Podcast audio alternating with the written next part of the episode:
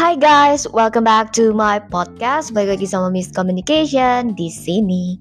Nah kali ini yang mau gue bahas itu adalah dari bukunya Vicky Vint, Vicky Vint, yang di mana dia menuliskan buku yang berjudul All You Need Is Less. Jadi yang kita butuhkan, yang kamu butuhkan bahkan itu adalah sesuatu yang sedikit. Maksudnya apa tuh? Jadi di dalam bukunya dia dia mengajukan agar semua yang kita punya sekarang ini tuh kita kurangi. Tapi apa yang dikurangi gitu kan? Yang dikurangi itu aku akan sebutkan 6 poin. Yang pertama, kurangi mikir stres. Jadi, yang nggak perlu dipikirin, gak usah pikirin. Yang nggak perlu dipusingin, gak usah pusingin. Pikirin yang perlu dipikirin, dan gak usah pikirin yang gak perlu dipikirin. Contoh, misalnya mau krisis ekonomi gitu kan, yang di mana sudah terjadi resesi untuk sekarang itu di Inggris dan di Jerman. Gue tau dari mana berita. Dan kalau misalnya nih, gue dengerin berita itu, dan kalau misalnya gue mau stres, itu gue bisa banget gitu gue bisa pikirin hal yang jelek-jelek yang bakal terjadi mungkin di Indonesia atau mungkin di dalam hidupnya gue sekalipun gitu. Perekonomian akan sulit semua macet segala macet gitu kan ya. Termasuk misalnya pencarian mat mata pencarian gue bisa macet gitu kan. Semua yang gue pikirin bisa jadi jelek. Kenapa? Karena gue baca berita yang resesi itu dan gue bisa jadi stres gitu. Stres yang nggak penting. Belum tentu resesi itu juga datang ke Indonesia gitu kan. Atau mungkin itu akan datang atau mungkin datang, tapi kan belum ada sekarang. Jadi ngapain khawatir? Terus kalau misalnya pun datang, bukankah sebelum-sebelumnya kita sudah pernah ada krisis gitu kan? Contoh beberapa tahun yang lalu, tahun 2022, itu kita ada corona dan masih bisa survive sampai sekarang gitu kan. Jadi ya ngapain dipikirin ngapain dipusingin? Yes kita perlu prevention kita perlu berhati-hati kita perlu mengurangi belanja yang kira-kira tidak perlu gitu kan? Dan mengatur keuangan untuk menjadi lebih baik lagi. Terus yang kedua tapi ini versi gue ya jadi versi gue untuk mengurangi stres bukan berarti berpikir uh, banyak dan panjang itu tidak perlu enggak itu perlu, tapi ya dikurangi gitu. Karena kita perlu memikirkan itu untuk mengatur solusi dan juga melihat segala sesuatu yang dari sisi baik juga. Dan kita jadinya nggak stres terus kan. Yang kedua, kurangi pikiran yang tidak perlu. Jadi, pikiran yang tidak perlu itu maksudnya gimana? Carilah orang-orang yang mau ditolong. Dan kita mau berbuat kebajikan satu hari, satu kali, nggak masalah gitu. Karena itu yang akan membuat kita memupuk suatu kebaikan setiap harinya. Mungkin kita bisa tanyakan kabar ke orang-orang yang kita belum pernah jumpai selama ini gitu kan. Mungkin kita juga bisa membantu orang. Contoh membantu bawa barang dia gitu misalnya dia kesulitan gitu kan minimal ada satu kebajikan yang kita lakukan. Either setiap hari ataupun setiap minggu terserah. Tapi yang jelas kita melakukan kebaikan kebajikan dan mempunyai pikiran yang baik juga gitu. Kenapa pikiran yang baik ini penting? Karena kita itu mau melihat segala sesuatu yang baik kan ke dalam hidup kita kalau kita ingin melihat sesuatu yang baik dan kita selalu melihat sesuatu yang tidak baik terjadi di dalam hidup kita, gimana keadaan baik itu bisa datang, ataupun ketika keadaan baik itu datang, kita sadar itu adalah keadaan baik. Gitu. Kenapa kita perlu mengurangi pikiran yang tidak perlu? Salah satunya hal yang tidak perlu adalah menolong orang yang tidak mau ditolong. Ini um, sebenarnya agak nusuk sih. Karena kita mikir oh iya dia butuh ditolong kita bantu kita ngomong tapi dia nggak mau nolong diri sendiri gitu kan. Lama-lama yang capek siapa kita gitu. Dan gue pernah ngomong sama salah satu mentor gue yang di mana dia bilang kalau misalnya setiap orang itu punya waktunya sendiri-sendiri. Bagi yang tidak mau ditolong dan tidak mau berubah biarin aja gitu bukan berarti kita egois jelek ya. Tapi kita perlu egois untuk tidak menghabiskan energi ke orang yang tidak mau ditolong gitu. Jadi kita perlu menghabiskan energi kepada orang yang mau ditolong dan yang mau berubah dan sama-sama jadi lebih baik lagi gitu. Tapi kalau misalnya orang nggak mau ditolong, mau sampai mulut berbusa pun, yang dia nggak mau berubah yang akan berubah gitu. Jadi carilah orang-orang yang baik, orang-orang yang punya pikiran yang baik, orang-orang yang bahkan mungkin punya sesuatu yang lebih dari kita. Karena kita mau belajar kita mau belajar jadi lebih baik gitu kan.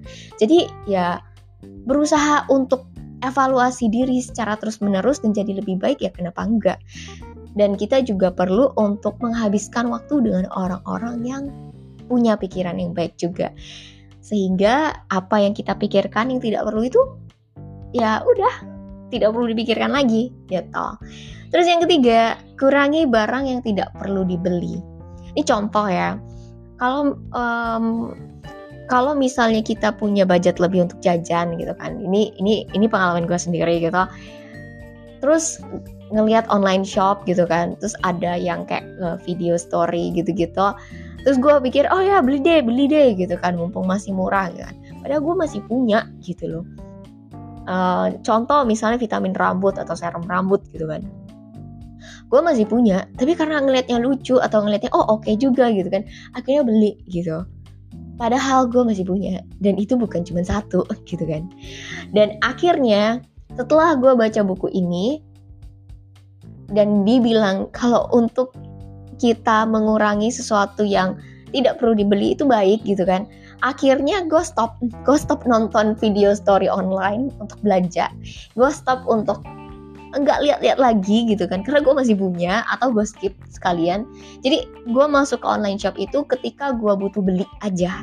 Kalau gue nggak butuh beli nggak gitu. Karena gue tahu yang namanya financial management itu sangat sangat sangat penting gitu kan ya dan itu yang akan membuat kita itu tahu gitu loh apa yang dibutuhkan bukan apa yang diinginkan yang mungkin bahkan yang diinginkan itu masih ada gitu loh belum habis gitu kan jadi Poin ketiga, kurangi barang yang tidak perlu dibeli. Gue setuju banget sama Vicky Print. Terus yang keempat, kurangi makanan yang tidak perlu. Karena makanan juga perlu dibudget kan. Ini makanan yang tidak perlu tuh kayak apa? Kayak junk food. Junk food itu kan nggak perlu gitu kan. Um, um, ini memang masih agak susah gitu kan buat gue gitu uh, for sure pribadi gitu kan karena gue suka. Dan tapi gue belajar untuk tidak terlalu berlebihan gitu. Jadi boleh tapi jangan berlebihan gitu. Karena yang nggak bagus juga buat badan badan kita butuh vitamin butuh gizi gitu kan. Dan juga butuh makanan-makanan yang sehat yang menunjang kesehatan tubuh juga. Jadi di sini dibilang juga kalau kita perlu melihat kesehatan kita dari olahraga, kita budget makanan kita, kita makan kacang-kacangan, protein, tahu tempe bagus gitu kan, sayur-sayuran, buah-buahan, itu yang kita perlukan. Jadi tubuh yang sehat itu karena kita memasukkan makanan yang sehat juga gitu. Dan kurangi makan nasi karena nasi ini mengandung karbohidrat yang tinggi gitu. Tapi uh, untuk ini gue sebenarnya belum ada data yang tinggi banget gitu untuk nasi gitu kan karena kalau makan nggak makan nasi rasanya nggak makan gitu kan dan nasi juga menurut gue nggak jelek-jelek banget. Cuman kalau misalnya kebanyakan itu kurang baik gitu. Jadi lebih banyak sayuran buah itu memang baik gitu kan kurang-kurangi junk food. Karena kalau junk food itu ya sebenarnya yang ada gizi gitu loh. Terus yang kelima kurangi teman-teman yang tidak perlu teman negatif yang menghalangi kita untuk sukses. Jadi kita perlu hindari mereka. Gitu. Dan bergaullah kepada orang yang lebih dari kita, lebih kaya, lebih religius, lebih sukses gitu. Kenapa? Karena kan kita mau ke arah sana gitu. Kenapa kita harus dekat-dekat sama orang yang berpikir negatif gitu, yang menghalangi kita untuk jadi sukses. Jadi kalau misalnya kita punya temen yang punya pola pikirnya kayak ah nggak mungkin deh lu berhasil ampun. Itu tuh hoki itu tuh um, apa namanya uh, uh, mereka tuh orang kaya makanya mereka bisa sukses. Nggak mungkin lah kalau misalnya bukan orang kaya atau apa atau apa gitu kan. Terus kayak gue mikir hah? Oke okay, kok beda ya pola pikirnya? Gitu kan. Karena kalau gue gue pribadi sendiri itu gue melihat kok ada orang-orang yang memang dia dari bawah gitu dan bisa sukses gitu. Bahkan tetangga gue sendiri gitu. Kenapa enggak? Semua itu bisa. Selama kita ya percaya selama kita support selama kita membantu gitu. Dan kita tidak merugikan orang lain. Dan kata siapa nggak bisa usaha dari nol? Itu bisa semua tuh bisa gitu kan. Yang bikin nggak bisa itu adalah pola pikir kita dan lingkungannya kita gitu. Yang membuat kita tuh nggak ngelihat itu sama sekali gitu kan. So jadi kenapa mengurangi teman yang tidak perlu itu penting? Karena kita tidak mau menghalangi diri kita dong dengan orang-orang yang punya pola pikir yang membatasi diri sendiri. Jadi kenapa penting untuk mendekatkan diri kita kepada orang-orang yang punya lebih agar pola pikirnya juga nyangkut di kita gitu. Agar pola pikirnya sama-sama saling support satu sama lain dan sama-sama mau berusaha jadi lebih baik lagi gitu. Karena dengan begitu kita tuh lebih fokus kepada something good in life dibanding something bad in life.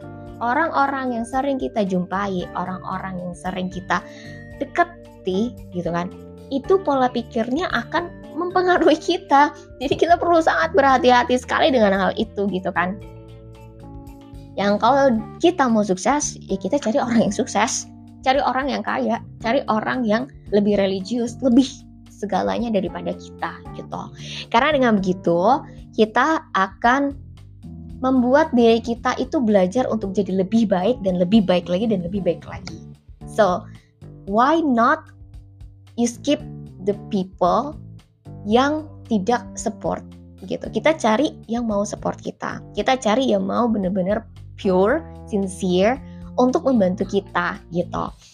Dan teman yang negatif ini gue tuh sebenarnya kalau mau cerita bisa panjang untuk teman yang negatif gitu kan. Kita tuh nggak sadar kalau teman yang kita anggap baik tuh ternyata negatif untuk kita. Contoh misalnya uh, temen baik gue dulu gitu kan ya. Sekarang udah enggak karena gue sadar kayaknya nggak cocok gitu kan ya. Gue bilang kalau misalnya gue ini bisa um, apa bisa punya mimpi gitu kan ya. Bisa untuk jadi lebih baik lagi bisa bisa bisa gitu kan. Otak gue itu maunya itu gitu kan. Nah tapi temen gue ini banyak takutnya. Dia bilang nggak mungkin lah nggak bisa lah apalah apalah gitu kan. Dan selama aku track record itu tuh lebih banyak gak bisa daripada bisa gitu kan. Sampai akhirnya I don't think it's good for me untuk deket-deket sama kamu gitu kan. And how she treats me itu kayak kayak kayak not good aja. Tapi itu butuh waktu lama ya buat gue sadar gitu kan. Karena yang namanya teman termasuk yang kita bilang baik pun itu tidak sepenuhnya sebenarnya ya baik gitu kan. Ya kita mau apa? Kita boleh sedikit egois menurut gue untuk mengurangi teman-teman yang ngedrain energinya kita dan enggak ya enggak enggak ini enggak mau berubah gitu loh kita kan mau kita berubah kita mau jadi lebih baik lagi dan kita mau bertemu dengan orang-orang yang punya visinya sama kayak kita gitu Makanya mengurangi teman yang negatif itu penting, gitu kan? Karena dengan begitu kita akan melihat something good in life happens in our life. Teman-teman yang positif itu adalah teman-teman yang memberikan support, gitu kan, memberikan support, memberikan masukan yang baik untuk kita, gitu kan, yang tidak menjatuhkan, gak mungkin, atau mungkin ah berlebihan atau mungkin yang lain lagi kayak mau sampai kapan? Kayak gitu kan. Nah itu yang sebenarnya memang kritis tapi lebih ke arah tidak support gitu kan dan kita kan maunya yang support yang memberikan efek baik untuk orang lain karena apa yang kita katakan itu bisa membangun ataupun menjatuhkan. Dan kita sebaiknya memilih yang membangun. Terus yang keenam, kurangi khawatir yang tidak perlu. Karena apa yang kita pikirkan itu kita gitu kan. Dan kurangi ambisimu yang terlalu banyak dan fokuslah satu persatu gitu. Untuk yang ini, gue ada setuju ada enggaknya gitu kan. Kenapa? Karena ambisi memang perlu, cuman ambisi yang dijalankan. Bukan hanya ambisi semata. Yang namanya emosi itu naik turun, satu. Terus yang kedua, ada orang yang memang bisa melakukan multifungsi uh, maksudnya di sini adalah multi talent, multifungsi itu uh, berjalan lebih dari satu di saat bersamaan gitu kan. Ada yang tidak. Nah, memang yang tidak itu ada bagusnya. Jadi dia satu mengakar gitu kan, baru yang lain. Ini juga bagus gitu. Jadi setiap orang punya um, apa ya? Jalannya sendiri-sendiri gitu. Ada yang dua bersamaan dia bisa, ada yang satu bersama eh satu tanpa bersamaan dia juga bisa gitu kan. Nah, ini tergantung lagi ke personal pribadi. Kalau menurut pendapat gue, semua yang kita inginkan bisa kita dapatkan either jalan satu dulu atau jalan dua sekaligus gitu kan ya. Itu depend sama orang yang mau menjalankan gitu. Karena ya itu pilihan gitu loh gue pernah ketemu orang yang lebih tua dia bilang kalau misalnya uh, dua hal ini tidak sejalan ya jalani satu-satu gitu kan. Tapi kalau misalnya dua ini sejalan kenapa enggak itu jalanin aja gitu. Dan gue pernah ketemu um, ngobrol langsung sama mentor yang ada di US gitu kan yang dia udah miliaran dolar juga. Gue juga nggak tahu kenapa bisa balas gue tapi yang jelas gue ngerasa tersalurkan berkat itu gitu kan. Karena dia menjalankan sesuatu itu secara bersamaan. Bukan cuma dia, banyak yang lain juga. Contoh ya, ini Marie Forleo ya. Jadi Marie Forleo ini dia jalan, dia tuh suka suka dance gitu kan. Tapi dia juga suka public speaking, jadi motivator gitu. Akhirnya dia juga punya yang namanya blog sendiri gitu kan. Maksudnya website sendiri, seminar sendiri, segala macam sendiri gitu kan. Banyak kan, bukan cuma satu gitu. Tapi dia bisa gitu. Dan dia waktu ditanya dia adalah um, multi multifunction multimilioner multi entrepreneur gitu. Dia bilangnya gitu. Nah terus abis itu gue mikir kalau dia bisa kenapa gue enggak gitu kan? Dan dari situ gue percaya bahwa setiap orang itu mereka punya kelebihan masing-masing gitu loh. Yang di mana ternyata itu bisa membuat mereka tuh jadi lebih sukses. Salah satu contoh lain um, gue suka banget sama dia nih